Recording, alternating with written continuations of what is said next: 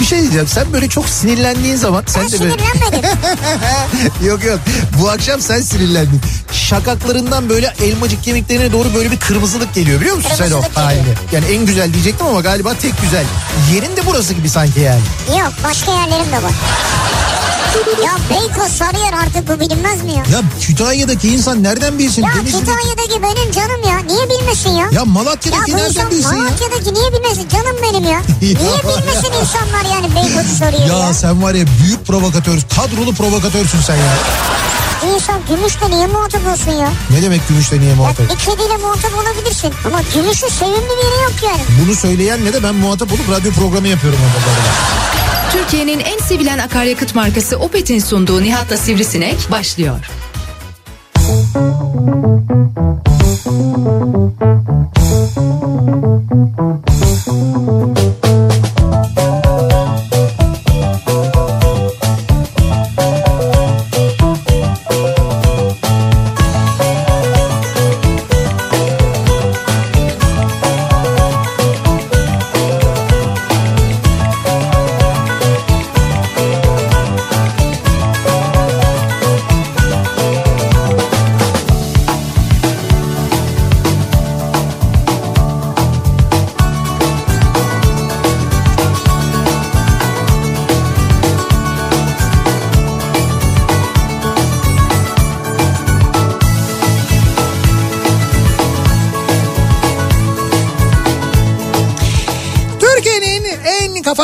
kafa radyosundan, kafa radyodan hepinize mutlu akşamlar sevgili dinleyiciler. Opet'in sunduğu Nihat'la Sivrisinek programıyla sizlerle birlikteyiz. Türkiye radyolarının konuşan tek hayvanı Sivrisinek'le birlikte 8'e kadar sürecek yayınımıza başlıyoruz. Perşembe gününün akşamındayız. 6'yı 5 dakika geçiyor saat. Yine soğuk, zaman zaman yağmurlu, acayip bulutlu bir İstanbul gününü geride bırakırken sabah zifiri karanlıkta evlerinden çıkanlar yine karanlıkta evlerine doğru dönüyorlar aynı şekilde. İşte böyle bir günün akşamında 17 Aralık aynı zamanda bugün Ya. 17 Aralık'ın da biliyorsunuz birçok e, özelliği var. 17 Aralık e, yani böyle hani birçok gün olarak e, anılıyor ama böyle farklı farklı. Yani herkesin bulduğu e, nasıl diyeyim ben sıfat başka 17 Olabilir, Aralık evet, için. evet. Yani işte günah işleme özgürlüğü günü diyen var. Efendim işte Indira Gandhi anma günü diyen var.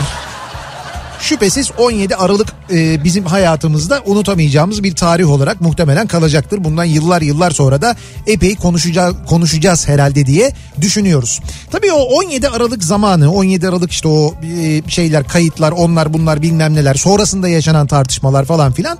Ama neticesi ne oldu? Hani neticede o bahsedilen iddialarla ilgili falan bir ceza alan oldu mu bir şey alan oldu mu? Olmadı değil mi yani hiç öyle bir şey Demek olmadı. ki iddialar asıl değilmiş yani. Tabii iddialar ne değilmiş? Asıl asıl yani gerçek değilmiş yani. Asıl değilmiş. Evet. Ya aslı astarı olmayan. Heh tamam asıl değilmiş Evet. biraz şey oldu da o yüzden e, havada Veya kal. asil değilmiş yani. Asil değilmiş evet yo çok da asildi ya Filip Patek falan vardı. Hani fiyat olarak çok Havada, asildi yani. havada yani. Hava, havalıydı evet çok havalıydı gerçekten. Kıyafetler, kıyafetler falan. Hayır şunu söyleyeceğim ceza meselesiyle ilgili cezaya bağlayacağım konuyu da sonunda baktığında bir ceza alan falan olmadığı gibi kimileri ödüllendirildi bile aslına bakarsan sonrasında. Da e, bu ceza meselesi yani işin böyle adalet kısmını bir tarafta bırakarak söylüyorum. Bu ceza meselesi ya da işte birisine ceza verme konusu bizim e, okul hayatımızda ta ilkokuldan itibaren başlayarak tabii. muhatap olduğumuz bir konudur Tabii değil mi? tek ayak üstünde dururduk ya. Böyle başlardık mesela. İlkokulda bir yaramazlık yaptığında bir şey yaptığında ne ceza verirlerdi? Git çöp sepetinin oraya tek ayak üstünde dur.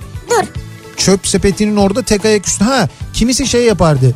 Çöp sepetinin orada tek ayak üstünde dur duvara bakarak dur Ama diye. duvara bakarak. Kimi öğretmen de derdi ki tahtada dur. Tek ayak üstünde arkadaşlarına bakarak dur ki daha da böyle şey ol hani daha da böyle bir rezil ol arkadaşlarına falan Ha. diye. Kimisi de öyle yapardı mesela. E İşte değişik modeller yani. İşte bu da bir cezaydı. Bu şey sadistik oranına göre değişiyordu ki bu Hayır kimi ödev verirdi ağır mesela sana derdi ki sen bunu 20 sayfa yaz yani. Ha şimdi şöyle bu sadistik derken yanlış anlaşılmasın diye söylüyorum. Bu yine içlerindeki cezalar içinde çok masum olanı.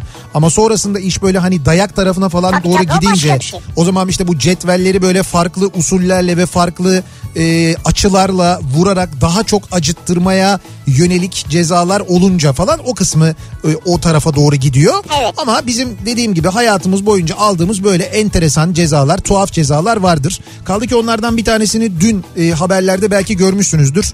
E, Antalya'nın bir ilçesinde bu Kumluca'da yanlış hatırlamıyorsam e, biliyorsunuz geçtiğimiz günlerde böyle bir su baskını falan oldu. O su baskını sel hadisesi sonrasında hastanenin oradaki devlet hastanesinde bir yoğunluk yaşanıyor. Sonra o yoğunluk sırasında mı ya da işte o yoğunluğun hemen sonrasında mı ne e, Antalya'dan şeyler geliyor işte Heyet geliyor. Heyet geliyor. Denetlemeye mi geliyorlar? İşte bir heyet geliyor. Neyse bu heyet incelemelerde bulunurken başhekim de onlara eşlik ediyor. O sırada bir servise giriliyor. O servisteki hemşirenin orada olmadığı görülüyor. Ondan sonra hemşire nerede falan diye soruyorlar. Sonra hemşire soruluyor. Diyor ki hemşire işte ben diyor bir, bir hasta vardı diyor. O hastaya yardımcı olmak için gittim falan diyor. Bunun üzerine başhekim çok kızıyor ve bu hemşireye e, bir kaç kere 500 kez işte ben bir e, ben bir salağım e, başka servise gittim. Ben bir salağım başka servise gittim şeklinde böyle bir cümle galiba değil mi? Ona benzer bir cümle ya da böyle bir cümleyi... Evet evet ben salağım servisimden başka servise gittim. Heh, işte böyle İki bir... hemşireye. Evet iki hemşireye 500 herkes böyle yazma cezası veriyor başhekim. Tabii başhekim görevden alınmış. Bu hakikaten bir kere onur kırıcı bir ceza. E, doğru da değil aynı zamanda kesinlikle yanlış. E, şimdi e, işte bir soruşturma başlatılmış. E, başhekim görevden alınmış falan. Ama düşünün ki bir hastanenin başhekimi olmuş bir hekim e, gidip bir başka sağlık çalışanına hem de böyle bir dönemde e, böyle bir ceza verebiliyor. Demek ki bizim e, memleket olarak bu ceza verme ve cezalandırma konusuyla ilgili epey bir şeyimiz var. Böyle bir yaratıcılığımız var yani. Var tabii her devirde vardır Her yani devirde var. Dolayısıyla hepimizin de mutlaka yediği böyle tuhaf bir ceza vardır. Yani aldığı bir ceza vardır diye tahmin ediyorum. Evet. Şimdi yediği deyince hemen radar cezaları yağmaya başlar. Yok tuhaf ceza diyoruz ya. Aldığınız tuhaf cezalarla ilgili bu akşam konuşalım istiyoruz sevgili dinleyiciler. Evet bu bir akşamki şey yani buna, buna benzer bir şey. Yani nedir mesela böyle en tuhaf aldığınız ceza? Evet bu akşamki konumuz bu. Bugüne kadar aldığınız e, en tuhaf ceza, unutamadığınız en tuhaf ceza nedir acaba diye soruyoruz ve bunları bizimle paylaşmanızı istiyoruz sevgili dinleyiciler. Mesela şöyle bir ceza aldın mı hiç? Nasıl bir ceza? Ee, hemen gülme kızma başında sonrasını getireceğim. Tamam. Mesela jacuzzi'den çıkmama cezası. Şimdi bunu şu yüzden söylüyorum. Sen bunu yaşamamış olabilirsin ama mesela havuzdan çıkmama cezası, banyodan çıkmama cezası gibi bir şey aldın mı? Anladım. O derin böyle büzüşür, büzüşür, büzüşür artık incelir yani. İçinden parmağından böyle bir şey geçecek hale gelir. Yani şahsen e, havuzdan çıkmama cezası almış değilim. Ki değil ki jacuzzi'den çıkmama cezası İşte alayım. onu dedim o yüzden şey bekle sonunu. Hiç hayır bir ne banyodan ne havuzdan o da ne saçma cezaymış hani mesela yüzme sporuyla uğraşırsın da hani antrenörün sana böyle bir ceza verir sudan çıkmama cezası onu anlarım da hani benim gibi öyle yüzme sporuyla uğraşmayan çok da fazla böyle havuza girmeyen bir insanın havuzdan çıkmama cezası alması zaten çok ihtimal dahilinde değil. Öyle bir Evet. ceza almadım ben. Doğru. Jacuzzi'den çıkmama cezası da oldu da mesela bir yönetmenin vereceği bir ceza olabilir. Yönetmenim. Evet yani bir film çekiliyordur jacuzzi temalı. Ben çok konusuna girmek istemiyorum. Zaten konusuzdur muhtemelen. Olur mu canım gayet şeydir yani romantik bir filmdir yani. Tabii canım jacuzzi'de geçer. Evet Orada yönetmen performanstan memnun kalmazsa mesela hani oyuncunun, aktörün, aktrisin neyse. neyse he, çıkmayın da jacuzzi'den aklınız başınıza gelsin diye bir ceza verilmiş Ha, evet, olabilir. olabilir. Ben sanmıyorum kimsenin bu kadar tuhaf bir ceza aldığını ama eminim e, aldığınız yani bu okul hayatınızda da olabilir, iş, iş yerinde de olabilir. Mesela iş yerlerinde çok tuhaf cezalar oluyor ve veriliyor mesela biliyorum bunu işte mesela çay içmeme cezası. Yani çay Çay içmeme. Evet evet sen çok çay içiyorsun çay içmeyeceksin sana çay yok falan gibi bir ceza verilebiliyor mesela. Ha benim aklıma bir şey geldi. Mesela şimdi He.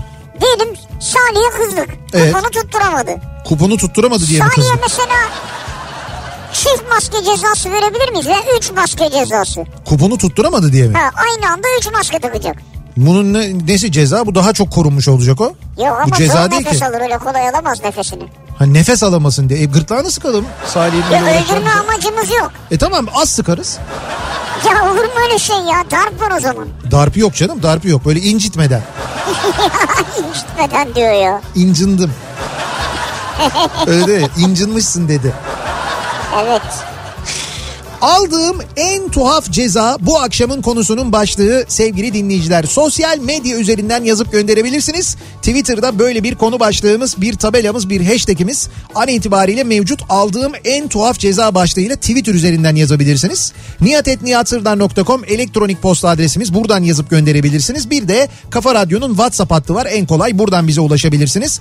0532 172 52 32 0532 172 kafa buradan da yazabilirsiniz. Bakalım aldığınız bu tuhaf cezalar neler acaba? Bu tuhaf cezaların aldığınız bu tuhaf cezanın hayatınızın sonraki bölümünde bir etkisi oldu mu? Sonra yaşamınıza böyle bir yansıdı mı? Sizde böyle ne bileyim ben bir travma e, yaşattı mı mesela? O çünkü cezalar özellikle küçük yaşlarda verilen cezalar Evet, doğru. biliyorsun sonrasında ciddi travmalara sebep olabiliyor. Yaratır yani. Tabii tabii mesela işte bizim bizden hemen önce yayın yapan Zeki Kayan Coşkun'un çocukluğunda bu kar küresiyle ilgili yaşadığı ne varsa mesela onda ciddi bir travmaya sebep olmuş. Abi çocuk kar küresiyle ilgili ne yaşayabilir yani? İşte abi bilmiyorum işte ne yaşayabilir yani ne yap- Kafasına düşmüş olabilir en fazla İşte yani. kar küresi kafasına mı düştü? Kafasında birisi kar küresi mi kırdı? Birisinin kar küresini kırdı da mesela ona böyle bir ceza mı verdiler? Bir şey mi yaptılar? Karda mı bıraktılar? Ne yaptılar?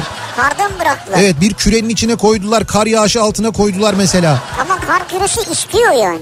İşte tamam. O iyi bir şey anımsatıyor bilinç herhalde. yok. Olur mu canım o bilinçaltının bir yansıması. Yani kar küresi istiyor olmasının bu kadar böyle bunu artık böyle bir sapıklık boyutuna getirmesinin. Yani Sapık mı? sapıkça böyle bir kar küresi istemesinin. Sapıkça niye istiyorsun ya? Abi şimdi bir gün olur iki gün olur. Üçüncü gün hala sen dinleyicilere sırdara karşı omuz omuza diye kar küresi sloganı attırıyorsan bunda artık bir aşırılık vardır yani. Öyle Doğru, bir şey var. herhalde. O da, da o, sen de haklısın yani. Onda da bir şey. Demek ki bu böyle bir bilinçaltı ile ilgili bir sıkıntı, bir şey olmuş yani. Kar küresiyle ilgili. Kar küre ya kar küresiyle ilgili ama işin mutlaka bir yerinde bir kar küresi var. Çocukken bir şey olmuş. Kar küreği olabilir mi acaba? Kar küreği mi? Çocukken kar küreğiyle mi dövmüşler Zeki'yi acaba? Yani. O zaman da böyle çok konuşuyormuş. Ağzına kar küreğiyle vurmuşlar? Şiddete karşıyız. Kesinlikle karşıyız. Asla ama işte dediğim gibi bu birazdan konuşacağımız cezalar içinde muhtemelen maalesef kimi böyle şiddetli yani şiddet uygulanan cezalarda geleceğini tahmin ediyoruz. Bakalım dinleyicilerimizin aldığı en tuhaf ceza neymiş acaba? Bekliyoruz mesajlarınızı. Bir yandan mesajlarınızı beklerken bir yandan bundan daha büyük ceza olur mu? Her akşam bu lanet olası trafiğe giriyorum diyenler için akşam trafiğinin son durumuna hemen şöyle bir dönüyoruz bakıyoruz. thank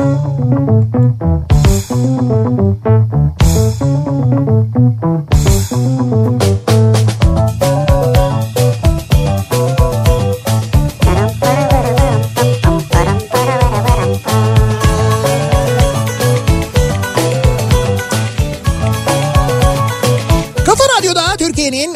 kafa radyosunda devam ediyor. Opet'in sunduğu Nihat'la Sivrisinek ve Perşembe gününün akşamındayız. Cezalarla ilgili konuşuyoruz. Bugüne kadar aldığımız en tuhaf ceza neydi acaba? İş yerinde, devlet dairesinde, ne bileyim ben okulda, eğitim sırasında, evde anneden babadan belki teyzeden dayıdan aldığımız cezalar neydi acaba bu tuhaf cezalar? Soruyoruz Bir dinleyicilerimize. de şey geliyor tabii. Ney? E, askerdeyken alınan cezalar da geliyor. Tabii canım.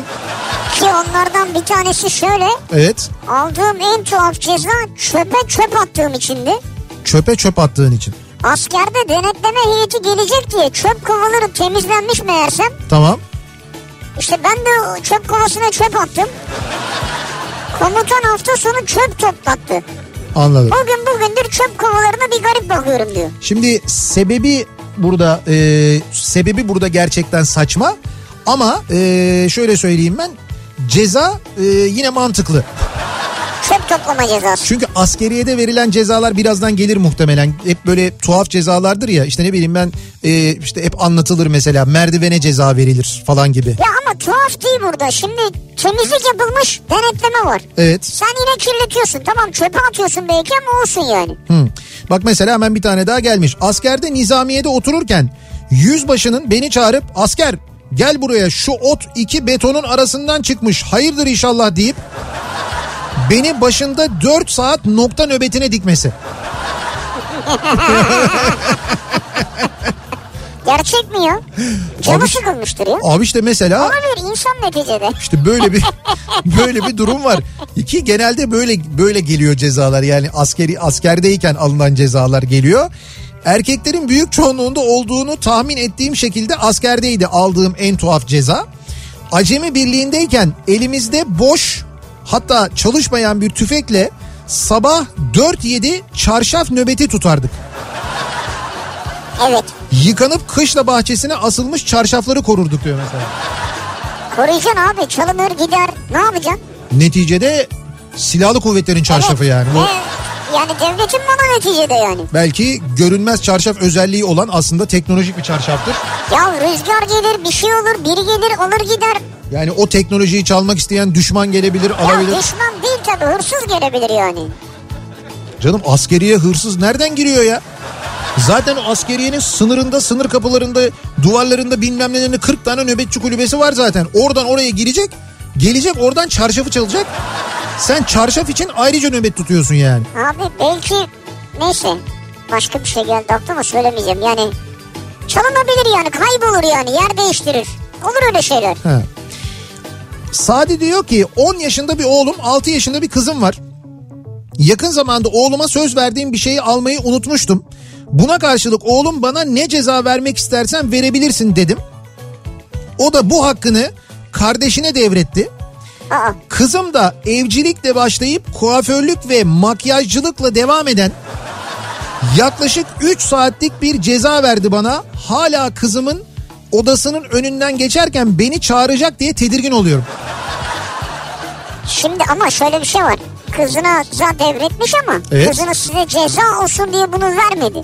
İşte olsun. Size istediği şeyi yaptırdı değil mi? E tamam o işte baba onu ceza olarak yani Ya ceza olur mu? Kızınla ne güzel vakit geçirmişsin ya. öyle öyle. Makyajcılık kısmı belki biraz sorun olmuş olabilir. Kendine yaptırmamıştır belki. Bu şimdi devretti deyince benim aklıma geldi. Hawaii Meteor Mother dizisini izleyenler hatırlayacaklardır. Orada bunlar bir Ha. iddiaya giriyorlar ve tokat e, evet. cezası oluyor. Ve o tokat cezasını devredebiliyorlar işte hediye ediyor birisine falan filan. Barney'e tokat hadisesi vardı ya çok güzeldir o. Hatta onun sitesini kurmuşlardı ya zamanında. O çok güzel diyor. Yani şey hem de böyle bir bölüm iki bölümde bitmiyordu yani. Tabii tabii böyle ara ara devam ediyor. Güldüğümüz için tüm tabura iki farklı büyüklükte taş gösterilip bu iki taşın arası olan taşları toplayın diye çayıra göndermişlerdi. Abi sen ama nerede güldün acaba? Bir de askeriyede gülünür mü yani? Hayır gülersin de boş zamanda yani. İşte bilmiyorum Sen ya. şimdi törendesindir kıta dur falan filan bilmem ne. Neyse biz ceza kısmına bakıyoruz zaten. Tabii oraya Hani bakıyoruz Daha biz. ziyade. Güneşli bir Ağustos ayında kar zincirinden ceza yemek. Yok canım. Aldığım en tuhaf ceza diyor Tuhaf mesela. hakikaten. Bir sürücü dinleyicimiz. Ama nerede? Hep anlatırlar ya hani böyle polis istediği zaman bir ceza keser falan derler. Hani mutlaka bir eksiğini bulur diye. Yani şu Ama olması. şimdi zincir o sırada şart değil ki. İşte demek ki şartmış ki böyle bir ceza kesilmiş Veya yoksa. gideceğin güzergahta mı acaba zincir şarttı? Ha belki öyle bir şey olabilir. Akşam trafiğinde Merter'den Üsküdar'a geliyordum. Evet. Trafikten kaçmak için yan ceplere giriyordum. Evet. Ok meydanında polis çevirdi. Ha. Sana en büyük ceza deyip beni per, Perpa'ya doğru yönlendirdi. Yollama ne olur ceza yaz diye yalvarmıştı polise diyor. Tebrik ediyorum ben. Trafik polisi arkadaşı bravo. Bravo. Öyle uyanığa böyle ceza. Evet. Bu güzel cezaymış ama. İş makinesi teknisyeniyim. Aldığım en tuhaf ceza. Boru anahtarını öperek onu sevdiğimi söylemiştim.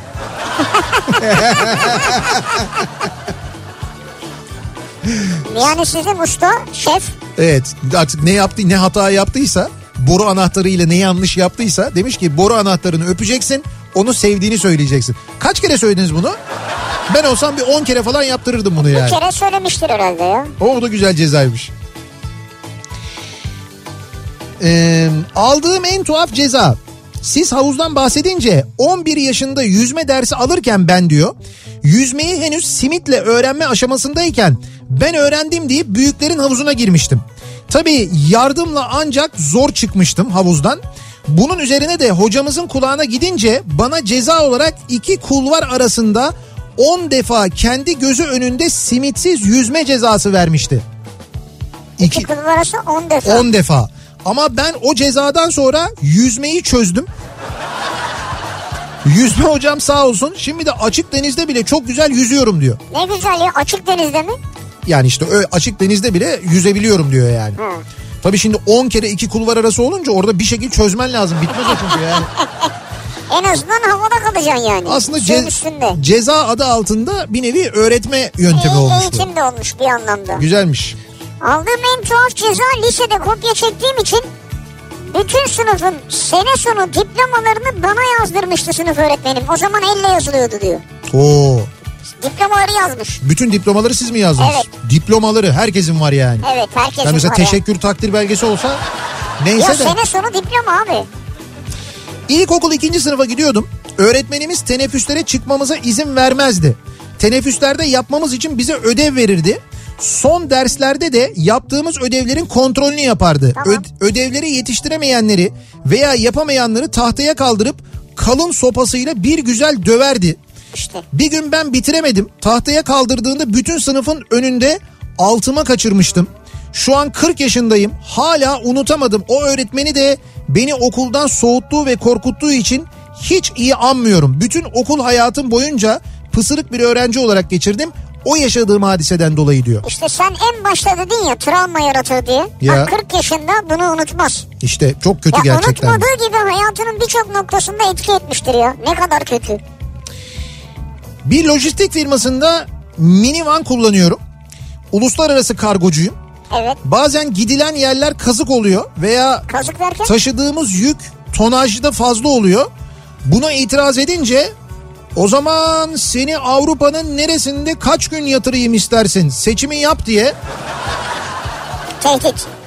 yani bizim cezamız böyle oluyor diyor. Avrupa'nın neresinde yatırayımdan kasıt ne acaba? İşte bir gönderiyor mesela onu bir işte e, Türkiye'den yükle ne bileyim ben Avusturya'ya ya da işte ne bileyim ben Norveç'e ama oradan da hemen geri döndürmüyor mesela orada 3 gün 5 gün 6 gün kalıyorsun. Güzel. Ya bu şimdi bir güzel iki güzel de Ne sen- olacak? Bir gün Norveç'e giderim, bir gün İsveç'e, bir gün İsviçre'ye. Yani hayatın öyle sürekli yolda geçiyorsa o bir yerden sonra ceza haline döner. 20 yıl önce iş yerinde kotamı dolduramadım diye kar yağarken arabasını yıkatmıştı bana. Eller donarak arabayı yıkadım. O günden beri araba yıkamam diyor. Patronu herhalde onu yazmamış ama. Patron satış kotasını Kotayı dolduramadı diye kar yağarken arabasını yıkatmış. o nasıl bir patron öyle ya? Bu bildiğin yani mobbingden de öte bir şey bu yani. Öte tabii. Otomotiv sektöründe iletişimci olarak çalışmaktayım. Yıllar yıl yıllar yıllar önce ee, ne bu? Ne kadar basılı mecra varsa markamızla ilgili faiz kampanyası ilan çalışması gerçekleştirmiştim.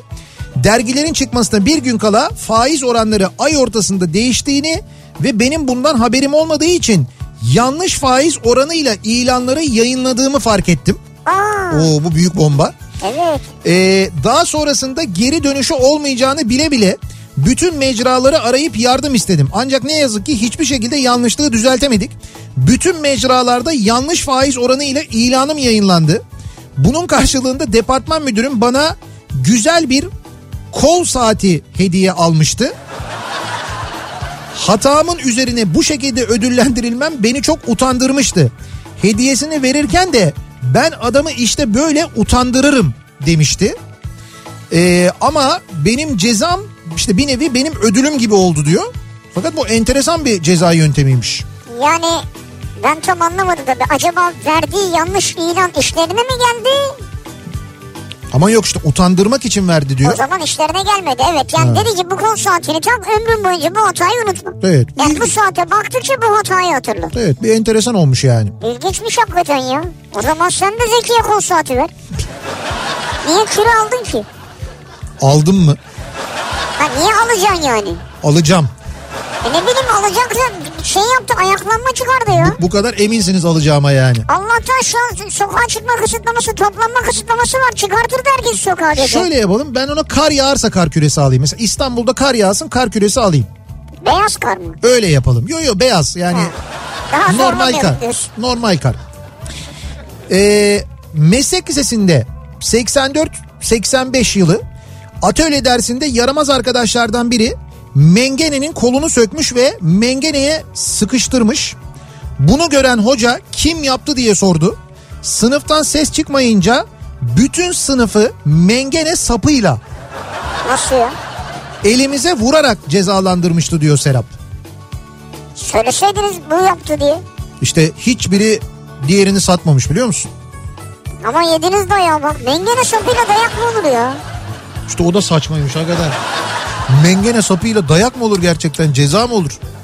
Peki sizin aldığınız en tuhaf ceza neydi acaba diye soruyoruz. Cezalarla ilgili konuşuyoruz bu akşam dinleyicilerimize soruyoruz. Reklamlardan sonra yeniden buradayız.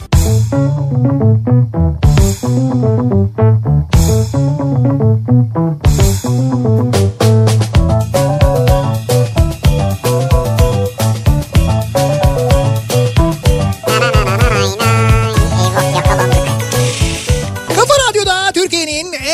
radyosunda devam ediyor. Opet'in sunduğu Nihat'la Sivrisinek ve devam ediyoruz yayınımıza. Perşembe gününün akşamındayız. Aldığımız cezalarla ilgili konuşuyoruz bu akşam. Aldığımız en tuhaf ceza nedir acaba bugüne kadar? Eğitim hayatımızda olabilir, iş yerinde olabilir ya da ne bileyim ben askerde olabilir ki asker cezaları, askeriye cezaları çok geliyor. Çünkü ceza ve tuhaf olunca yan yana genelde askeriyede verilen cezalarla ilgili çok e, fazla mesaj geliyor. E, diyor ki mesela Beylikdüzü'nden Murat İstanbul Aksaray Mahmudiye İlkokulu 4. sınıftayım. Arkadaşımdan cetvel isteyen arkadaşıma cetveli uzattığım için beni tahtaya çağırıp kafamı tahtaya vura vura dövüp beni sınıftan kovan saygı değerli öğretmenim Zerrin Aksu'yu suçsuz yere cezalandırıldığımı o günden sonra derslerimin kötü gitmesini hiç unutmam diyor mesela. Aldığım en tuhaf ki bu bu da şiddet işte. Yani bu şöyle ruh sağlığı yerinde olmayan bir durumdan bahsediyoruz. ya. Evet evet doğru. Burada bir ruh sağlığı problemi Oraya. olduğu çok net belli. Şimdi Mehmet diyor ki Heh. Mehmet Sayıner aldığım en tuhaf ceza derste konuştuğum için gözüme lazer pointer tutularak 200 kişilik amfiden atılmamdı. Ne diyorsun ya? Tabii gençtik o zaman patoloji dersi de çok sarmamıştı. Ve Türkiye'nin önde gelen patologlarından Aydın Sav'ın da şakası yoktu diyor. Öyle mi? Yani, Yani 200 kişiden seni böyle kırmızı lazerle buluyor ve çık dışarı. o da bak o da tuhaf bir cezaymış. Herkesin önünde sağlam ceza Ha, yani. bir de şey var böyle kırmızı bir nokta var üstünde. Ulan biri vuracak mı acaba diye bir tedirgin de olursun yani. Kocaeli'nden Orhan devriye çavuşuydum. Nöbet tutan iki asker de en yakın arkadaşlarımdı. Nöbet kulübesinde nöbet defterini imzalamaya gittiğimde muhabbetten üçümüz de uyuyakaldık. Artık ne sıkıcı muhabbet ettiyseniz. Nasıl bir şey ya üçünüz birden? Ne muhabbetiymiş o ya ne konuşuyordunuz acaba? Nöbetçi subay bizi uyurken yakaladığı için 5 saat boyunca alayın en işlek caddesindeki çöp bidonuna bağıra bağıra kısa künye verdim. bağıra bağıra vereceksin tabii ki. O kadar bağırıyorum ki bir ara çöp bidonu dile gelip aferin asker diyecek diye korktum diyor yani. Kendimi o kadar kaptırdım diyor. Esas sen sendeki korkuyu düşün demek o zaman. O kadar bağıra bağıra verdiğine göre künyeyi. çöp bidonuna künye vermiş. Evet. Bak mesela bir ceza işte. İlkokuldayım, birdeyim. Öğretmenimiz matematik sorusu yazdı. Ben de doğru cevaplayıp öğretmenimin yanına koştum. Yanına koştun. Ha, daha böyle parmak kaldırma falan tam öğrenilmemiş Demek herhalde. ki ilkokul Olabilir. zaten. O da beni yanında tuttu ama içim kıpır kıpır yerimde duramıyorum. Ee, sandalyeden kalktı. O fırsatla ben de sandalyenin üzerinden atladım. Sendeki heyecan içine sığmıyor yani. Üzerinde iz yaptığımı fark etmedim tabii. Arkadaşlarım da ispiyoncu çıktı ve cetvel cezası yedim. Ondan sonra da bir daha okulu hiç sevmedim diyor. Sen sandalyeye atladın ayaklarınla herhalde değil Evet. mi? Orada ayak izi kaldı. O sınıftakiler de öğretmenim sandalyenize bastı Dediler. yapmışlar. İspiyonla orada tanıştın değil mi? Vay be ilkokul bir o. Mengene ile dayak yiyenlere selam olsun diyor Cemal. 2003 yılı elektrik bölümü atölye dersindeyiz. Sınıfta kavga çıktı. Camı kırdı çocuklar. Evet. Hoca sordu kim yaptı diye söylemedik. Elektrik bölümü olunca kabloyla Yok artık. ellerimize vurmuştu hocamız. En ilginç cezamdır. Yediğim en aldığım en tuhaf ceza kabloyla sıra dayağı diyor. Bu da normal değil. İyi elektrik vermemiş. Ha bak elektrik bölümü olunca doğru az bir şey yani ufak. Ya bir de böyle ne uğraşıyorsun herkese tek tek en baştan tutuşun el ele diyeceksin en baştakine vereceksin elektriği. Ama öyle 220 olmaz. Niye? E, çok tehlikeli yani. Ha. Ufak. 120. Olur mu elektrik vermek? Bu ne işkence mi orası ya? Ya işte tamam bence de saçma da. Kadir diyor ki aldığım en tuhaf ceza zamanında Bostancı'dan biletli olarak ada vapuruna bindik. Heh Bir deniz havası alıp bir çay içip dönelim dedik. tamam. Gittik ama inmekten vazgeçtik. Heh Direkt Bostancı'ya aynı vapurla geri döndük. tamam. Hiç inmediğimiz vapurdan kaçak binme cezası olarak 8 bilet bedeli ödeyerek indik. Çünkü inmek şartmış orada diyor. E tabi. Uyana bak gidiş bileti alıyorsun. Gittin ineceksin. Gideceksin bir bilet Tabii. daha alacaksın. Bineceksin yani. 8 bilet ödedik diyor. Ya biz yıllarca e, tabii yaptığımız yanlıştı ama banyo trenlerine kaçak bindik yani yıllarca. Ya tabii bilet aldığımız da oluyordu ama hani bildiğimiz ve böyle e, kenarından kıyısından girebildiğimiz kimi istasyonlar vardı. Hani bilirdik nereden girilebileceğini falan. O istasyonlara bindiğimizde işte oradan girdiğimizde binerdik ve bilet falan almazdık. Ve bazen e, genelde de hep böyle şeyde Bakırköy'le e, dur Bakırköy'le Yeşilköy arasında mıydı? Galiba Bakırköy ile Yeşilköy arasında böyle uzun bir mesafe vardır. Orada e, kontrolörler özellikle bilet kontrolü yaparlardı. Uzun ya. Hani mesela istasyona denk gelip kaçma imkanın yok. Evet evet doğru. Özellikle o uzun mesafeleri tercih ederlerdi. Abi orada e, mümkün olduğunca böyle kontrolörün olmadığı vagona denk gelmeye çalışırsın. Öyle bir şeyimiz vardı, taktiğimiz vardı. Doğru ama demek ki bu siz banyo trenlerine böyle bindiğiniz için battı işte o sonra. Onun için battı evet doğru. Hala Dev- da çıkamıyor yani. Devlet Demir Yolları'nın bugün bu halde olmasından bizim yüzümüzdendir kesin yani. Yıl 2015 nakliye işi yapıyorum. Ankara dönüşünde sabaha kadar direksiyon sallayıp Samandıra Tem'deki tesise girip uyudum. Sabah 8-9 gibi kalkıp gecikmeyeyim diye hemen yola çıktım. Fatih Sultan Mehmet Köprüsü yoluna girince şirketten aradılar. Acele etme. Mal öğlen gibi boşalacak dediler. Ben de Ümraniye sapağını geçtikten sonraki tesise girip çorba içeyim dedim. Evet. Şimdi bu tabii eskiden e, ağır vasıtalar kullanabiliyordu ya ikinci köprüyü temi. Evet. İşte o şimdi Ümraniye'deki o tır parkını kastediyor. E, 10 gün sonra eve mektup geldi. Girdiğim tesiste bekleme yapmak yasakmış. 132 lira ceza geldi. Daha sonra aynı tesiste bana ceza yazan trafik ekibini bulup madem ceza yazıyorsunuz kaldırtın o zaman tesisi buradan. Bir çorbaya 132 lira verdim sizin yüzünüzden dedim. Bir çorbaya evet öyle sayılır. Memur arkadaş ehliyetimi istedi. Bir 100, 132 daha yazdı. O günden sonra sabah kahvaltıda çorba içmedim. Bütün arkadaşlara da haber verdim. Bu tesise girince çorba içmeye gireni girene ceza kesiyorlar. Girmeyin dedim. Tırcı şanser göndermiş. Bak bu da mesela çorba cezası yani. Aldığım en tuhaf ceza başım ağrıyor cezası diyor Ha. Emre. O şey e, universal bir ceza o. Yani Nasıl yani? dünya genelinde yaygın bir cezadır o. Genel olarak kullanılır. İstanbul'dan Fatih askerdeyiz.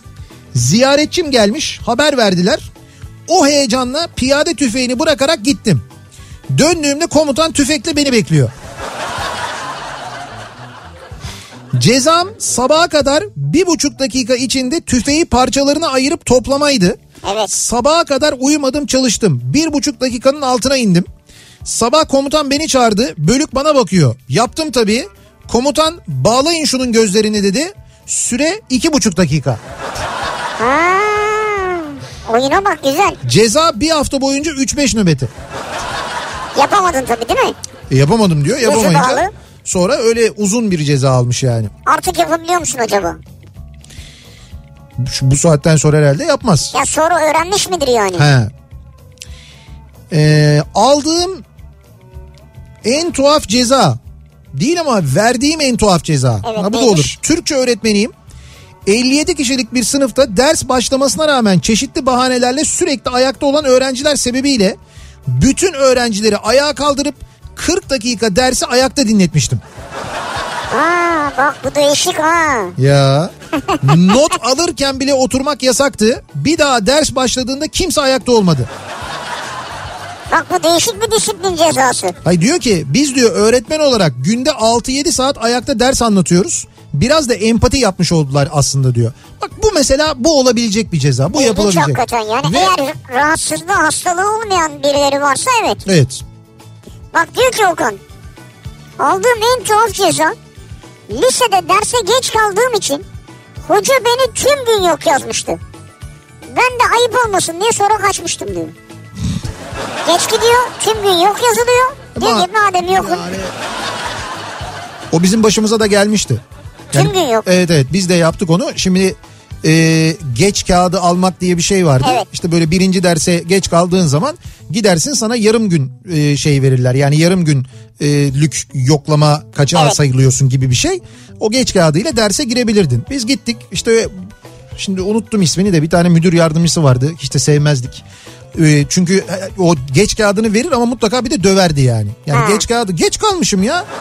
Lan İstanbul'da Topkapı'da bir okula geliyoruz. Hepimiz İstanbul'un farklı yerlerinden geliyoruz. Trafik diye bir şey var. Toplu ulaşım diye bir şey var. Geç kalmak kadar doğal bir şey olamaz. Ya o zamanlar trafik mi vardı sen de abartma ya. Neyse netice itibariyle geç kalıyorsun. Evet. Siz hep geç kalıyorsunuz falan diye. Ama sen de hep geç kalıyorsun demek. Değil değil hayır ben hakikaten öyle çok nadirdi ama o böyle bir 3-4 kişiydik biz beraber girdik. Bak çete işte bunlar ya belli. o diğerlerinden böyle çok sık size dedi bütün gün dedi yok yazıyorum dedi. Ondan sonra Sen itiraz ettin muhalif ya. Hayır hocam dedim işte ben derse gireceğim bilmem ne falan filan yok dedi. Hepinize dedi bütün gün dedi yok yazılacaksınız dedi. Ondan sonra vermiyorum dedi geç kağıdı dedi. Çıkın dedi çıktık. Sonra birbirimize baktık dedik ki e bütün gün yok yazılacaksak dedik burada ne işimiz var? Hadi gidelim dedik. ya işte gördün mü?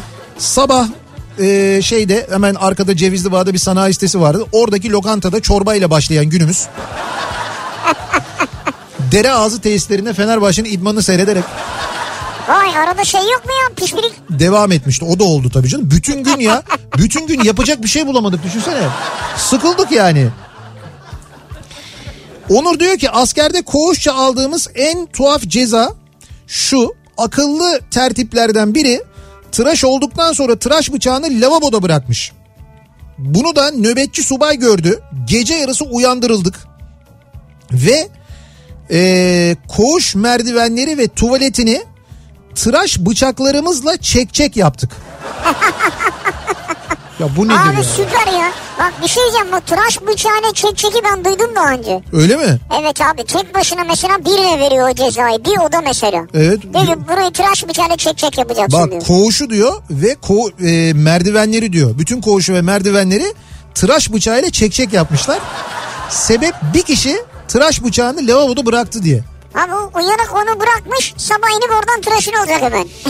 Sanki kendi özel şey lavabosu var orada. Güzel taktik o.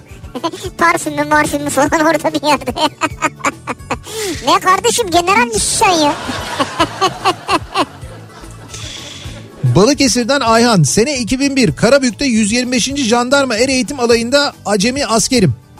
Sabah mıntıkasında mevsimin sonbahar olmasından dolayı her yer ağaç yaprağı oluyor. Trabzonlu çok zeki bir arkadaş bir yerden bir sırık bulmuş. Ağaçta kalan son 5-10 yaprağı döktürdü. Başımızdaki as subay da o düşen yaprakları tekrar koli bandıyla ağaç ağaca yapıştırtmıştı. Kısacası askerlikte verilen cezalarda mantık aranmıyor. Ya genel değil tabii ama şey yani orada şimdi o asubay demek size takılmış orada yani belli ki. Abi böyle şey olur mu ya? Hani yapraklar şey, ertesi günde uğraşmayalım diye yaprakları dökmüşler. O döktükleri yaprakları koli bandıyla ağaca yapıştırtmış tekrar ya. Çünkü doğanın dengesini bozdunuz diye kızmış siz abi. Yaprak kendi zamanı gelince düşecek ya. Ondan dolayı yani. Tamam. Yalnız ara ne yaprak düşüyor değil mi? Evet. Dökülüyor. E tamam şimdi zamanı işte. Ee,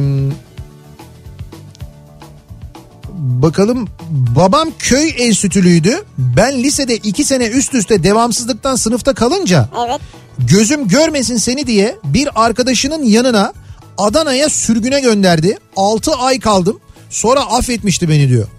6 ay mı kaldı? Evet 6 ay göndermiş babası. 2 sene üst üste devamsızlıktan kalınca Vay. göndermiş yani. Bak bu da mesela aldığım en tuhaf Evet. cezaydı diyor. Bu ağırmış. Aldığım en tuhaf ceza diyor Serap. Paydos saatimiz saat 18'di. Ofis olarak tam 18'de çıkmak üzere hepimiz hazırdık. Tamam. Müdürümüz bizi o şekilde görünce hazır halde Evet. saat 20'ye kadar ayakta kapıda bekler vaziyette çıkmamıza izin vermemişti diyor. Bu iş yeri mi burası? İş yeri. Ama arkadaşlar 18'de kapıya gitmişler startta bekliyorlar. Böyle kapı 18 oldu mu çıkacaklar. Yani yine de tamam o yani o şekil doğru değil de ha, bu kadar hızlı kaçmak için bu kadar hevesli olmak ama 8'e kadar orada ayakta bekletmek neymiş ya? O da bir acayipmiş. Evet. Lisede öğle arası ceketimi öğretmen masasında unutmuştum. Evet. Öğretmen içeri geldiğinde sınıftaki tek ceketsiz bendim. Öğretmenim de bu kimin ceketi deyip benim olduğunu fark edince gözümün içine baka baka ceketi götürüp çöpe atmıştı. Hadi canım. Evet. Aldığım en saçma cezaydı benim diyor. Çöp temizse bir şey olmaz yani kağıt mağat falan varsa. Ya yok genelde o okul çöpleri biliyorsun temiz olmaz. Onun mutlaka böyle ke- altı böyle bir ıslak bir nemli olur. Kenarına böyle şey e, kalem tıraşla e, soyulmuş kalemlerin kabukları yapışmış olur. Olabilir evet. Genelde öyle olur yani. Sizin bugüne kadar aldığınız en tuhaf ceza neydi acaba diye soruyoruz ve bunları bizimle paylaşmanızı istiyoruz. Sevgili dinleyiciler bir ara verelim. Reklamlardan sonra yeniden buradayız. Kafa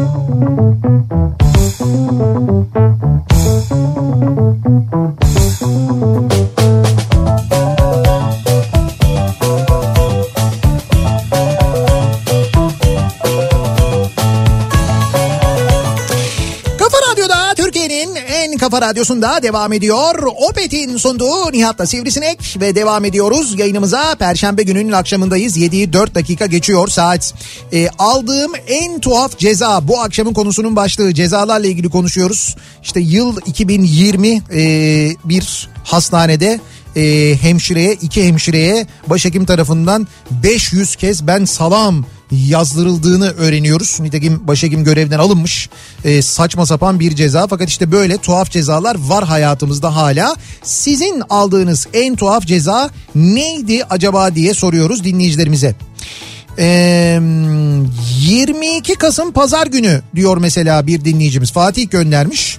Aldığım en tuhaf ceza 22 Kasım pazar günü eski Ulusoy'un arka tarafında bu eski Ulusoy dediğiniz Merter'deki eski Ulusoy'un arka tarafında sokağa çıkma yasağı varken servis şoförüme makas atarak trafiğin akışını tehlikeye düşürme sebebiyle gıyabında ceza yazılmış. Sokağa çıkma yasağında. Şimdi boş yolda kime makas atmış mahkemede soracağım e, kendisine diyor. İtiraz etmişler. Mahkemeye e, itirazda bulunmuşlar. Evet. Gıyabında e, kesilmiş çünkü bu ceza. Şimdi böyle cezalar var. Gıyabında kesilen, fari trafik müfettişlerinin kestiği, senin o tarihte hiç orada olmadığın halde yediğin cezalar falan olabiliyor biliyorsun. Evet, evet. Sonra bunlara itiraz ediliyor. Sen önce öde de sonra itiraz edersin. İşte bazen böyle de oluyor ama bazen itiraz ediyorsun ödemiyorsun da aynı zamanda. Ya belki demek şey mi acaba? Bir başka plakaydı da ona benziyordu. Öyle bir hata mı oldu? Sokağa çıkma yasağında makas neymiş ya? Abi sokağa çıkma yasağı dediğin herkes dışarıda zaten. O ona biri önde araba vardır ona makas atmıştır gitmiştir yani. Geçen e, hafta pazar günü ya da cumartesi günüydü. Sokağa çıkma yasağı var cumartesi günü. E, şey de hani böyle E5'te e, yan yoldan geliyorsun E5'e bağlanıyorsun ya. Evet. Böyle yan yollardan bağlantılar var. O tam o bağlantı yerine iki araba sıkışmışlar. İşte ben anladın mı ya nasıl oluyor yani? Lan sokağa çıkma yasağı var arkadaş ya. Bomboş yol yani. Bakıyorsun zaten? E5 boş boş kimse yok yani. Tamam o kontrol noktalarının olduğu yerlerde yoğunluklar oluyor onu biliyorum da. Ee, Gebze'de Sarkuysan Lisesi'nde beden eğitimi öğretmenimiz derste biraz konuşan gülen öğrencileri falakaya yatırırdı. Falaka mı? Yıl 1988. O yüzden derste kimseden çıt çıkmazdı. Hakikaten bu yani ben mazoşistlik diyordum ya az önce Ya sadistlik. falaka neymiş ya? Sadistlik diyelim biz ona. İşte öyle abi bazen bu bu şey ama bu normal bir kafa değil. Bu hakikaten ruh hastalığı. Sıkıntı yani. Psikolojik sorunları var yani. Aldığım en tuhaf ceza. 2012 yılında askerde aldığım en saçma ceza gece Alaturka tuvalet deliğine değil de ayak basılan yere hacetini yapan mahlukat yüzünden Gece 3'te uyandırılıp 10 kişilik nizami olarak bölükçe hacet dersi almamız. Üstelik uygulamalı bir şekilde. Nasıl uygulamalı? Hepiniz birden mi? Yok hayır. Hep, Yapacaksınız. hepsi izlemişler biri yapmış. Ha tamam. Öbür türlü çünkü çok zor yani yapılacak yap. Evet o hakikaten sıkıntı. Bir de yapmazsan ayrıca ceza. ya neler var? Evimize diyor Şeyma misafirler gelmişti. Arkadaşlarımla ablamın odasını saat 12'ye kadar oynayarak dağıttık. Ablamın yatağını da bozduk. Misafirler gittiğinde ablam odayı zorla toplattı. Yatağı da düzelttirdi. Öyle uyudu. Yatak yine bozuldu. Ama olsun abla yani sana şu cezayı vermiş giderken bulduğun gibi Yani bırakacaksın. yatağı tamamen düzelttirdikten Evet, sonra girmiş bozmuş. İyi yapmış. Uluslararası bir petrol doğalgaz sondaj şirketinde çalışıyordum. İşten anlamayan biriyle tartıştım. Beni yurt dışına sürdüler. Hayda. 2014-2015 yıllarında 2 yıl Arnavutluk'ta kral gibi yaşadım.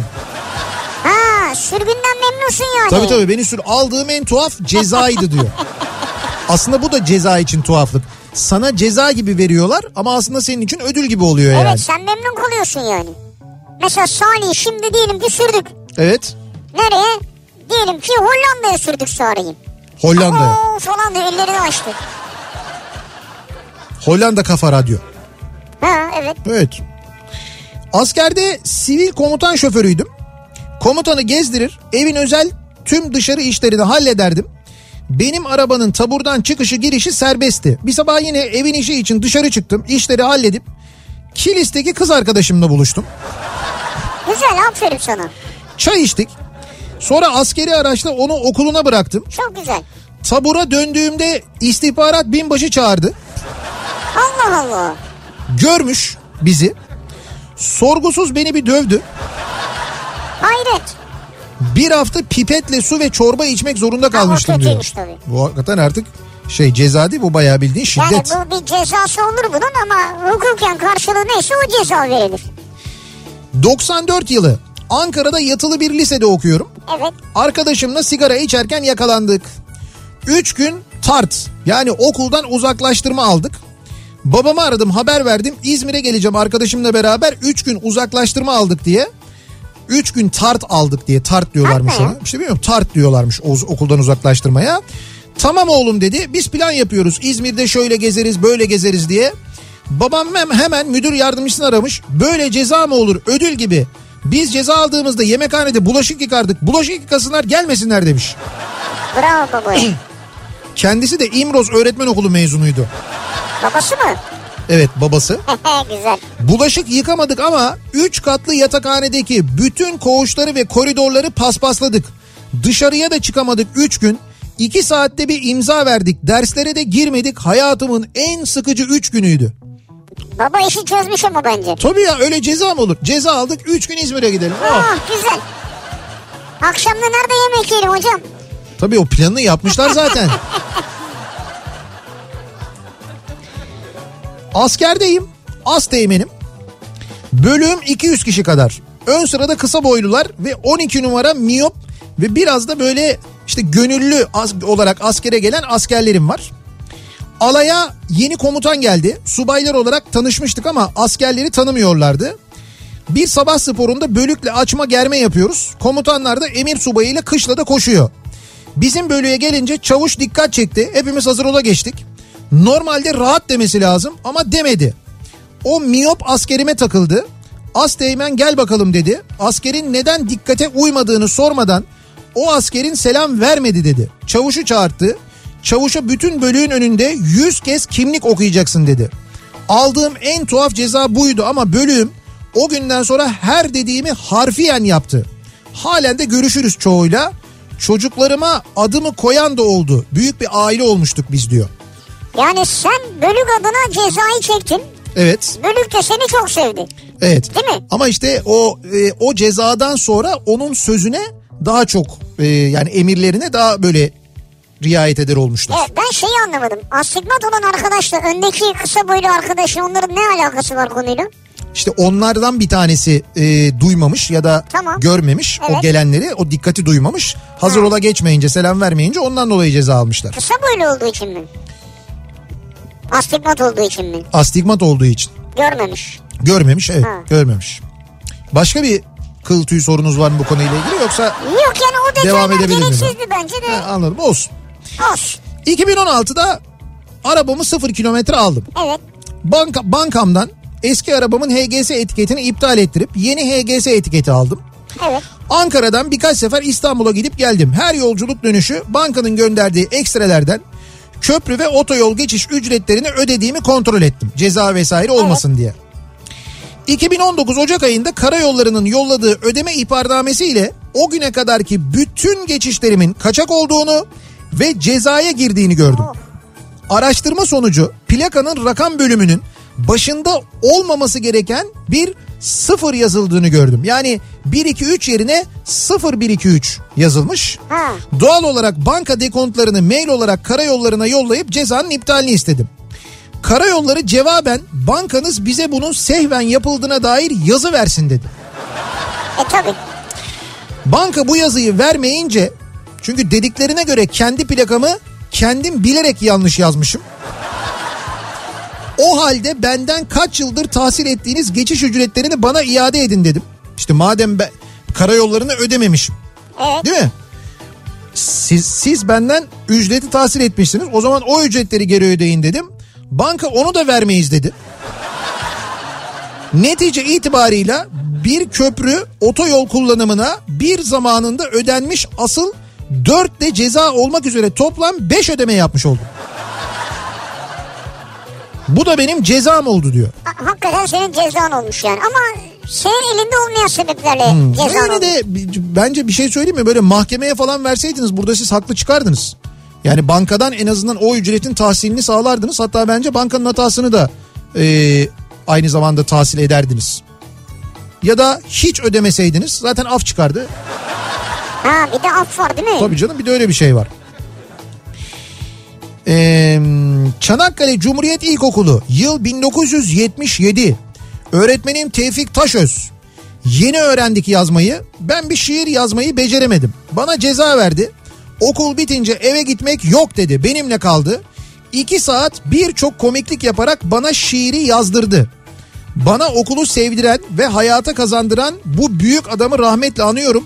İyi ki o cezayı vermiş. Aldığım en tuhaf cezadır ama o sayede okumayı sevdim ben diyor. Ya bazen bu tip cezalar işe yarıyor ama işte şey olmaması lazım ya. Şiddet içermemesi lazım. Yani sen onu ceza gibi görüyorsun ama Evet. aslında ceza değil işte bak çok güzel bir şey olmuş ödül olmuş yani. Ee, askerde öğle yemeğini yedikten sonra içtimaya kadar bir saat zamanımız vardı. Ben de koğuşa gidip birazcık ayaklarımı uzatayım dedim. Ay Askerde. Süper çok iyi yapmışsın bence. Jacuzzi'de girseydin arada. İçim geçmiş. İçtima içtima sesleriyle uyandım. Koğuştan bir çıkışım var. Nasıl koşuyorum? Son anda fark ettim kepimi unutmuşum. Geri yatağıma koştum kepimi aldım ve bölüğün bahçesine doğru koşmaya başladım. Kapıda nöbetçi asubay durdurdu. Nereye diye sorduğunda içtimaya komutanım dedim. Gülmeye başladı. Elindeki yastığı bıraksaydın bari dedi. İyi güzel yastıkla falan gidiyorsun yani. O subay o günden sonra beni her gördüğünde kafama bakıyordu. Kepim var mı yok mu diye. Siz kep diye yastığı alıp koştunuz yani. O da güzelmiş. İşte uyanamama ama aynı zamanda panik hali yani değil mi? şey bugün sen demin bir şey anlatırken aklıma geldi. Hani kendi plakasını göya yanlış yazmış ya öyle Aha. demiş ya demin. Onu araştırdım da şimdi birisi bir söz yazıyor Twitter'da. Tamam. Altına da diyor ki Atol Behramoğlu. Evet. Atol Behramoğlu da diyor ki bunun altına bu söz bana ait değil. Sonra bir başkası diyor ki nasıl olur bu söz size ait araştırmanızı öneririm. O itiraz ediyor. İtiraz ediyor. Abi, Yani espri yapmış tabii de. Twitter öyle bir yer. Hayır şimdi o şaka yapmış ama böylesi var. Evet. Ya Twitter gerçekten öyle bir yer yani. O Twitter'ın nasıl bir yer olduğu ile ilgili bir tane video var. Hani böyle bir grup e, şey yapıyorlar böyle bir denizin kenarında duruyorlar. Ondan sonra fotoğraf çekecekler. Çekmeye çalışıyorlar. O sırada yanlarından bisikletli biri geçiyor. Ondan rica ediyorlar. Diyorlar ki siz fotoğrafımızı çeker misiniz falan. Tabii diyor. Ondan sonra alıyor fotoğraf fotoğraf makine şey cep telefonunu uzaklaşıyor. Evet herkes cheese desin diyor. Ondan sonra bir tanesi diyor ki nasıl yani ben veganım. Nasıl yani? Ya biz diyor ben diyor veganım ben de mi cheese diyeceğim diyor itiraz ediyor. Ya tamam o zaman diyor şey diyor say- sayalım o zaman diyor. 1, 2, 3 diyelim diyor. Oradan birisi şey diyor. Ya biz disleksiyiz. Sen disleksilere salak mı diyorsun? Sayamayız mı diyorsun diyor. Abi her biri bir şeye itiraz ediyor ya. Twitter işte. Twitter bak. Doğru. Tam böyle yani. Tam Doğru hakikaten, hakikaten öyle yani ya. anlatan bir durumu var. Şimdi sevgili dinleyiciler size e, gerçekten de çok faydalı aslında bir taraftan yatırım ama bir taraftan da doğaya faydası olan bir şeyden bahsedeceğiz. Evet. Gerçekten çok enteresan ama bence çok da zekice bir çalışma. E, İş Bankası, Tema Vakfı ve Milli Eğitim Bakanlığı'nın işbirliğiyle bir doğa eğitim programı var. Doğa eğitim programı. Evet daha doğa eğitim programları. Şimdi bu Türkiye'nin ilk çevre fonu iş portföy tema değişken fonundan elde edilen gelirler yani böyle bir fon hani şimdi yatırım yapıyorsunuz ya mesela işte fon yatırımı yapıyorsunuz Evet, fon evet. alıyorsunuz. İşte böyle bir fon oluşturmuş iş portföy tema değişken fon diye. Evet. Şimdi bu fondan bahsedeceğim ama bu fondan elde edilen gelirin bir bölümü e, Tema Vakfı'nın doğa eğitim programlarını destekliyor. Ha. Bu fondan e- edilen elde edilen gelirin bir bölümüyle. Çocuklarla ilgili. Program kapsamında çocukların ekolojik okul yazarlık becerilerinin gelişmesi amaçlanıyor. 2019-2020 eğitim ve öğretim yılında Türkiye'nin 81 ilinde uygulanan eğitimler sayesinde okul öncesi ve ilkokul seviyesinde 167 binden fazla çocuğa bu şekilde ulaşılmış. Ne güzel ya. Yani geleceğin çevreyi koruyacak, çevreyi sahiplenecek çocukları Tema Vakfı'nın eğitimleriyle, Tema Vakfı'nın verdiği eğitimlerle bu şekilde çevre okur yazarlığı konusunda e, geliştiriliyorlar. Ya bu gerçekten çok önemli. Evet. Çünkü zamanında çevreyle ilgili eğitim almamış olan bizler yani bizim neslimizin e, eğitim alırken ilkokulda, ortaokulda, lisede var mıydı böyle çevreyle ilgili bir eğitim bize verilmedi. Yok. Biz kendimiz eğer çevreye duyarlıysak, okuduysak eğer Evet. bir şeyler öğrendik. Nitekim Aileden falan. Ha, nitekim bir şeyler öğrenmeyenlerin bugün yaptıklarına itiraz ediyoruz aslına bakarsanız biz. O nedenle Türkiye'nin çevre konusundaki geleceği için gerçekten son derece önemli bu çalışma. Milli Eğitim Bakanlığı Tema Vakfı işbirliğiyle ve Türkiye İş Bankası desteğiyle yürütülüyor bu doğa eğitim programları. Peki nasıl oluyor? Şimdi mesela bu fon nasıl oluşturuluyor? Şöyle oluyor. E, Türkiye İş Bankası tarafından hayata geçirilen ve üretimin her aşamasında çevreye duyarlı şirketlere yatırım yapma hedefini benimseyen bir fon bu çevreye yatırım fonu. Evet. İşte bu fon gelirinin bir kısmıyla çevre alanında sosyal sorumluluk projesine destek verme fikriyle yola çıkılıyor. Aslında amaç bu zaten. Güzel. Türkiye'nin ilk çevre fonu olma özelliğini taşıyan bu fon tasarrufların çevresel sorumluluk ilkeleriyle profesyonel olarak yönetildiği bir yatırım portföyü bünyesinde değerlendirilmesi hedefleniyor. İşte iş portföy tema değişken fonda esnek yönetim stratejisi izliyor. TL bazında reel getiri sağlıyor ve e, üretim sürecinin her aşamasında çevreye duyarlı olan şirketlere yatırım yapıyor Bu, fon. bu önemli zaten ya. Fonun yatırım yapacağı yurt içi ortaklık payları ya da özel sektör borçlarına, borçlanma araçları Borsa İstanbul Sürdürülebilirlik Endeksine dahil olan ihraççılar arasından seçiliyor. Evet. Yani orada bu fon oluşturulurken böyle bir hassasiyet. Yani başından sonuna kadar baktığında aslında çevreye faydalı bir iş yapmış oluyorsunuz bu fona yatırım yaptığınız Evet zaman. ve o fon işlerken de çevreye zararlı olan hiçbir yatırımı yapmıyor. Yatırım Yapmıyor. yapan şirketi de yatırım yapmıyor. Ona da yatırım yapmıyor doğru. İşte o kısmı gerçekten son derece önemli. Neticede İş Bankası'nın Milli Eğitim Bakanlığı Tema ile birlikte yapmış olduğu bir doğa eğitim programına destek olmuş oluyorsunuz. Tema ile Tema'nın bugüne kadar yaptığı tüm çalışmalara biz elimizden gelen desteği her türlü verdik. Verilecek olan tüm desteklerin de aynı zamanda Türkiye'nin çevre konusundaki geleceğine katkı olduğunu e, böyle sonuna kadar inanarak ve güvenerek e, her zaman söyledik söylemeye devam ediyoruz. Tema o konuda bizi hiç yanıltmadı bugüne kadar çünkü orada emek veren herkese buradan bir kez daha teşekkür edelim biz. Dönelim konumuza. Aldığım en tuhaf ceza bu akşamın konusu. Sizin bugüne kadar aldığınız en tuhaf ceza nedir acaba diye soruyoruz. Bir ara verelim. Reklamlardan sonra yeniden buradayız. Kafa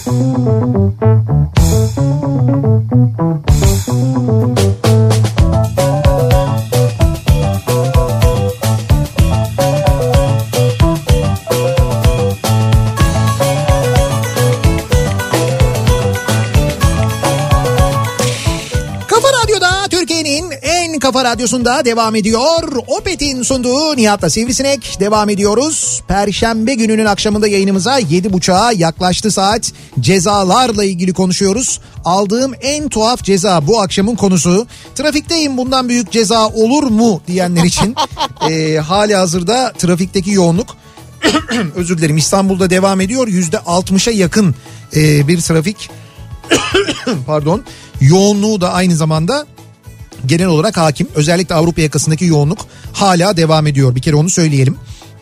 Ve devam edelim şimdi cezalarla ilgili. Cemal diyor ki Evet. aldığım en tuhaf ceza Çubuklu'da. Pazarın orada trafiğin aksi istikametine kaldırımda cebe aracımı park ettim. Yani kaldırımın orada cep varmış. Evet. Ama aksi istikamette. Karşıdan gelen araç ben park ettim diye oraya park edemedi. Evet. Meğer Fahri trafik müfettişiymiş. Ters yön cezası yazmış 1120 lira. Mahkemeye verdi iptal etti diyor. Ha iptal oldu. Evet. Ama şöyle bir böyle bir ceza var. Bunu mesela trafik polisi de kesebilir. Trafik akışının olduğu yönde park etmek durumundasınız. Park ettiğiniz kaldırım mesela yol kenarında park ediyorsun ya. Evet. Trafik e, o park ettiğin taraf ne tarafsa trafiğin akışının olduğu tarafa o yönde park etmen gerekiyor. Şimdi bizde bu kural çok bilinmiyor ama böyle bir kural var. Niye ben şimdi sağdan gidiyorum. Solda karşıda park yeri var. Oraya böyle kafadan girerim ben. Kafadan girmeyeceksin. Gideceksin ileriden döneceksin. Ben dönene kadar oraya kaç kişi girer ya sen biliyor musun? İşte şu an ne yapacaksın yapacak bir şey yok yani gideceksin ileriden döneceksin trafiğin akış yönüne park edeceksin. Ben öyle park etmedim diye Amerika'da bir 300 dolar O Amerika. İşte burada da var o kural. Biz o kuralları mesela burada hani o Amerika'da da var bizde de var ama bizde uygulanmıyor. Döner kavşakta önce kavşağın içindekini indiriyor kuralı var ya. Saçma bence. Bir, ha işte mesela senin gibi böyle düşünen ben girdim mi girerim kardeşim falan diye yapan öyle değil işte o. Nihat Doğan'a bırakın bilmem ne bilmem ne'nin bilmem nesini falan diye bir yorum yazmıştım. Beni mahkemeye verdi. 3000 lira uzlaşmada anlaşarak kurtardım. Ha aldığın en büyük ceza bu mu oldu? Aldığım en tuhaf ceza bu oldu diyor. Tuhaf derken daha büyüğünü yaz bilmem ne bilmem ne yazdıysan böyle Ya dediğin gibi. hakaret etmiş. Yani onu söyleyeyim ben. O yazdığınız Yani şey işte hakaret neticede. Hakaretten daha ağır da ceza alır mısın tabii? E oluyor ama bana da öyle yazan oluyor. Ondan sonra biz de yani böyle bir uzlaşalım mı falan diye teklif geliyor karşı taraftan. Ben genelde reddediyorum uzlaşmayı. Onu söyleyeyim. Uzlaşmıyorum ama neticede yine böyle bir ceza çıkıyor. Evet. Ve o parayı da ödüyorlar ondan sonra. Ee, bakalım. Aldığım en tuhaf ceza. Karşıdan karşıya geçerken kırmızı ışıkta geçtim diye polisin görüp 100 şekel ceza yazmasıydı. Yüz şekel. Evet yani İsrail'den İsrail'de olmuş bu İsrail'den Vedat yazmış. Türkiye'de ne güzel geçiyorduk halbuki diyor yani. Kırmızının bir anlamı var. Kırmızı dur demek. Dur geçme. Her yerde değil mi? Dünyanın her yerinde böyle. Biz bunu çok acı bir dersle öğrenmiştik. Onu da öğrenmiştik. Onu da öğrenmiştik. Kıbrıs'ta askerdeyim. Bazı evrakları imha etmem söylendi. Süresi dolduğu için komutan bunları e, yak bunları dedi. Yakacak kova bulamadım. Gözüme yangın yazan kovalar çarptı. Yangın kovası mı? Dur bakayım ne olmuş. Y yazan kovayı aldım. Evrakları yakıp içine atmaya başladım. Meğersem o kovaların dışı boyaymış. Bütün boya ve Y yazısı kalktı. Ben de bunun üzerine kovayı da imha ettim. Kovayı nasıl imha ettin ya? Gömdü herhalde değil mi bir yere? Tabii delilleri yok etmiş yani. Sabah içtimada komutan angın yazısını gördü. Y nerede lan dedi. Korkudan itiraf ettim. Alaydaki bütün kovaları tekrardan boyadım ve yangın yazdım. Ha hepsini boyattı. Ama bütün kovaları alaydaki diyor. bak. Alayda diyor bir de evet ya. Şimdi ne yalan söyleyeyim hak etmişsiniz yani. Ortada bir cinayet var çünkü siz bir kovanı kovayı katletmişsiniz ve yok etmişsiniz yani. Bir gün akşam eve geldiğimde eşim trafik cezası geldi dedi. Ne cezası diye sordum. Ya bir şey değil park cezası dedi. Peki nerede yazılmış diye sordum. Adrese bakmadım dedi. O ana kadar da elimdeki kağıdın içeriğini okumamıştım ve okudum. Mahalle tanıdık, sokak tanıdık, kapı numarası tanıdık. Aşkım bu adres bizim adres dedim ve gülmeye başladık. Garajımızın önünde kaldırım cezası yemişiz. Garajın önünde ama garajda değil. İşte bu da eşimin ilk trafik cezasıydı diyor. Evin Yani- yediniz yani. E güzel uzakta yememişsiniz en azından. Evet bir problem çıkmamış işteyse yani. Başka bir şey de olabilirdi. Tabii tabii tanıdık bir yerde olması en azından iyi. Ortaokul tarım dersi sınav var. Yanımda oturan arkadaş karar vermiş kopya çekecek.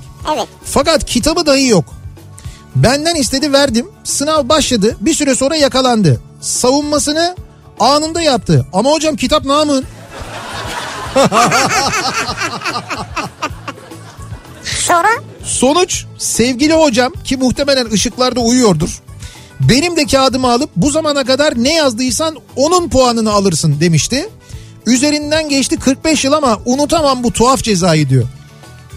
evet Aslında suça ortaklık şimdi yani. hem öyle hem de size iyi bir ders olmuş yani. Evet evet. Hani haksız diyemeyeceğim bu ceza için.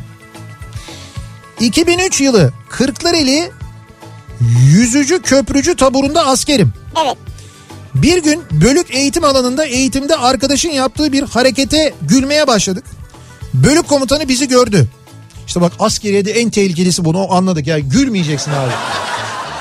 Ama o sırada iş başındayken gülmeyeceksin tabii. Gülmeye, Ay, başındayken. bence, ben- bence hiç gülmeyeceksin. Mesela sen askerliğini yaparken tesadüf Cem Yılmaz'la askerlik yapıyor. Cem Yılmaz gösteriye geldi gülmeyeceksin abi.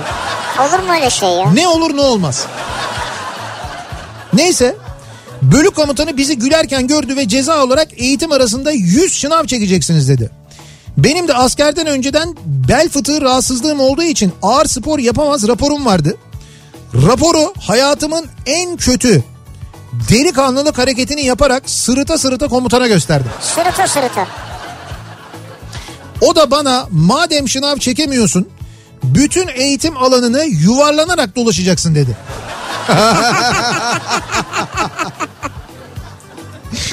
Hayatımda hiç bu kadar hayatımda hiç bu kadar rezil olmamıştım. Bırak bölüğü bütün taburun önünde rezil oldum. Keşke yüz değil bir şınav çekeydim.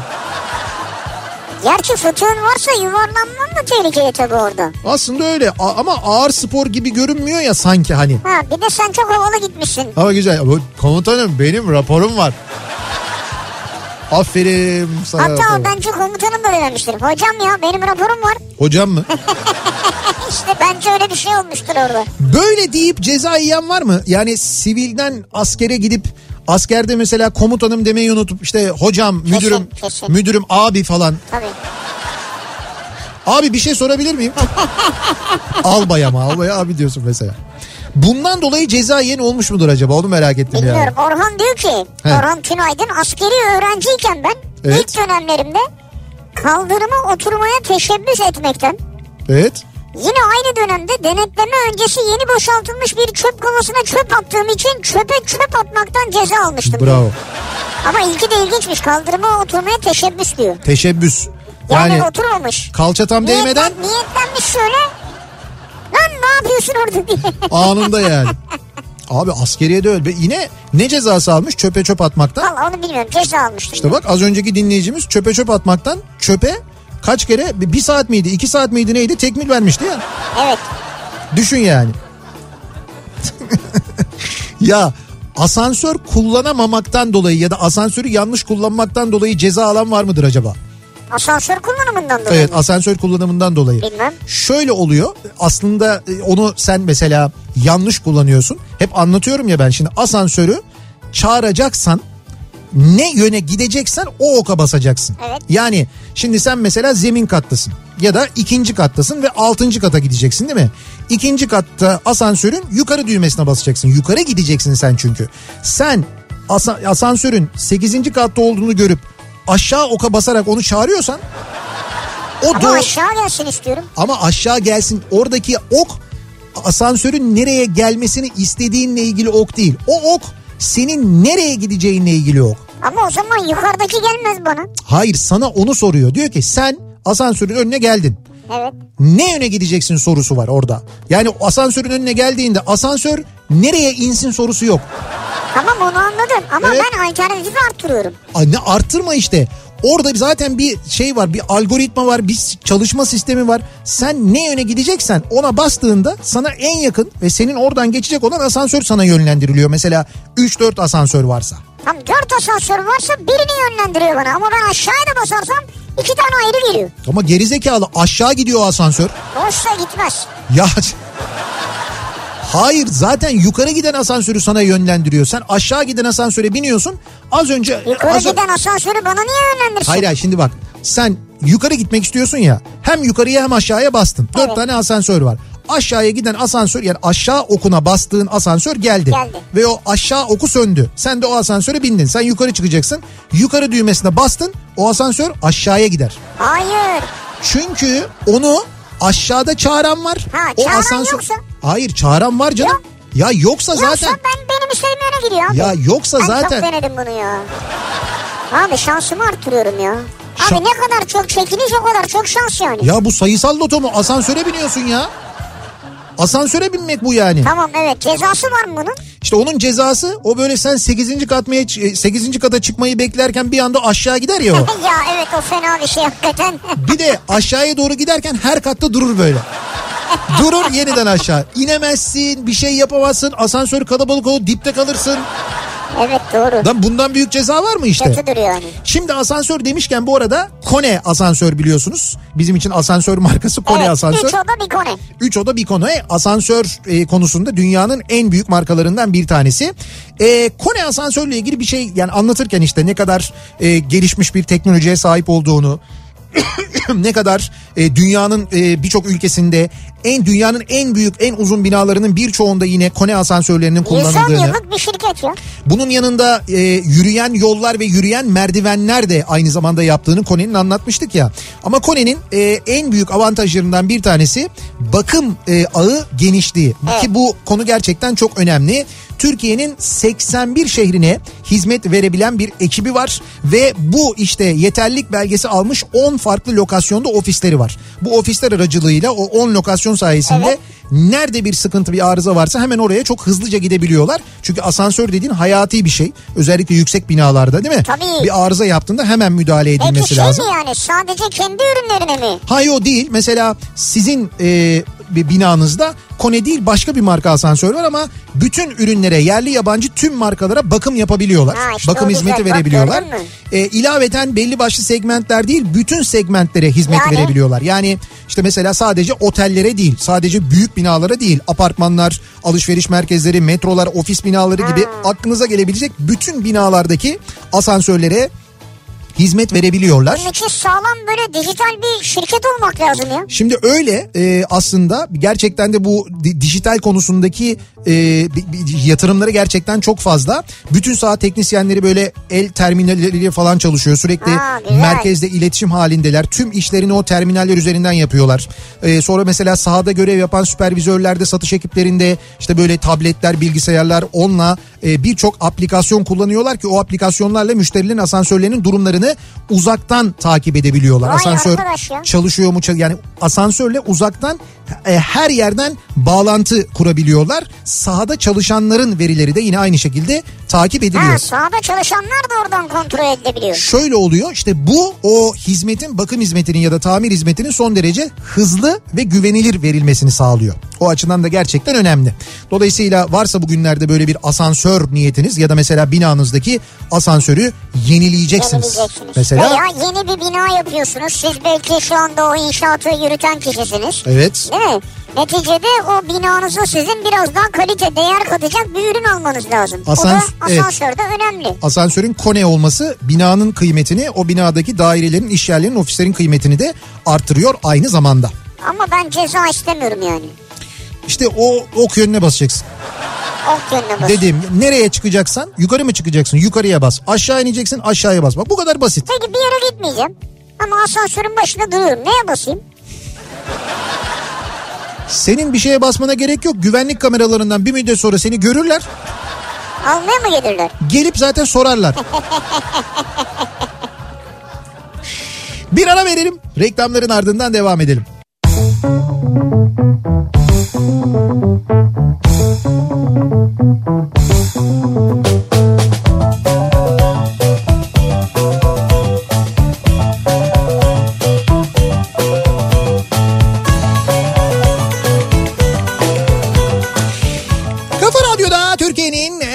Radyosu'nda devam ediyor. Opet'in sunduğu Nihat'la Sivrisinek yayınımızın son bölümündeyiz. Birazdan mikrofonu Suna Yakın'a devredeceğiz. Suna Yakın ve Şaire ve Şaire programıyla sizlerle birlikte olacak. Ee, hemen ardından da Beste Dükkanı programı başlayacak. Doğdun Tanzer. Evet Tanzer'in bugün doğum günü. Tanzer ve Eflatun ve parantez içinde Mert e, yine sizlerle birlikte olacaklar. Evet, evet, Artık evet. Mert de var çünkü neticede Evet. Mert de vurmalı çalgılarda Mert oluyor ve ne yapıyorlar Beste Dükkanı'nda? Sizin gönderdiğiniz şiirleri ya da şarkı sözlerini canlı yayında besteliyorlar. E, dinleyeceksiniz yine Beste Dükkanı saat 21'den itibaren bugün Tanzer'in de doğum günü aynı zamanda. Mutlu seneler diliyoruz. Mutlu seneler diliyoruz. Artık herhalde arkadaşları Evet. bir sürpriz hazırlamışlardır yani Eflatun ve Mert ona bir doğum günü şarkısı. Mutlaka yapmışlardır. Sözünü yeni yazmışlardır herhalde. yapacaklardır. Kesin öyle bir hazırlıkları olmuştur diye tahmin ediyorum ben de. Biz yayınımızın sonuna geliyoruz. Yarın sabah 7'de yeniden bu mikrofondayım ben. Akşam Sivrisinek'le birlikte yine buradayız. Tekrar görüşünceye dek hoşçakalın. Güle güle.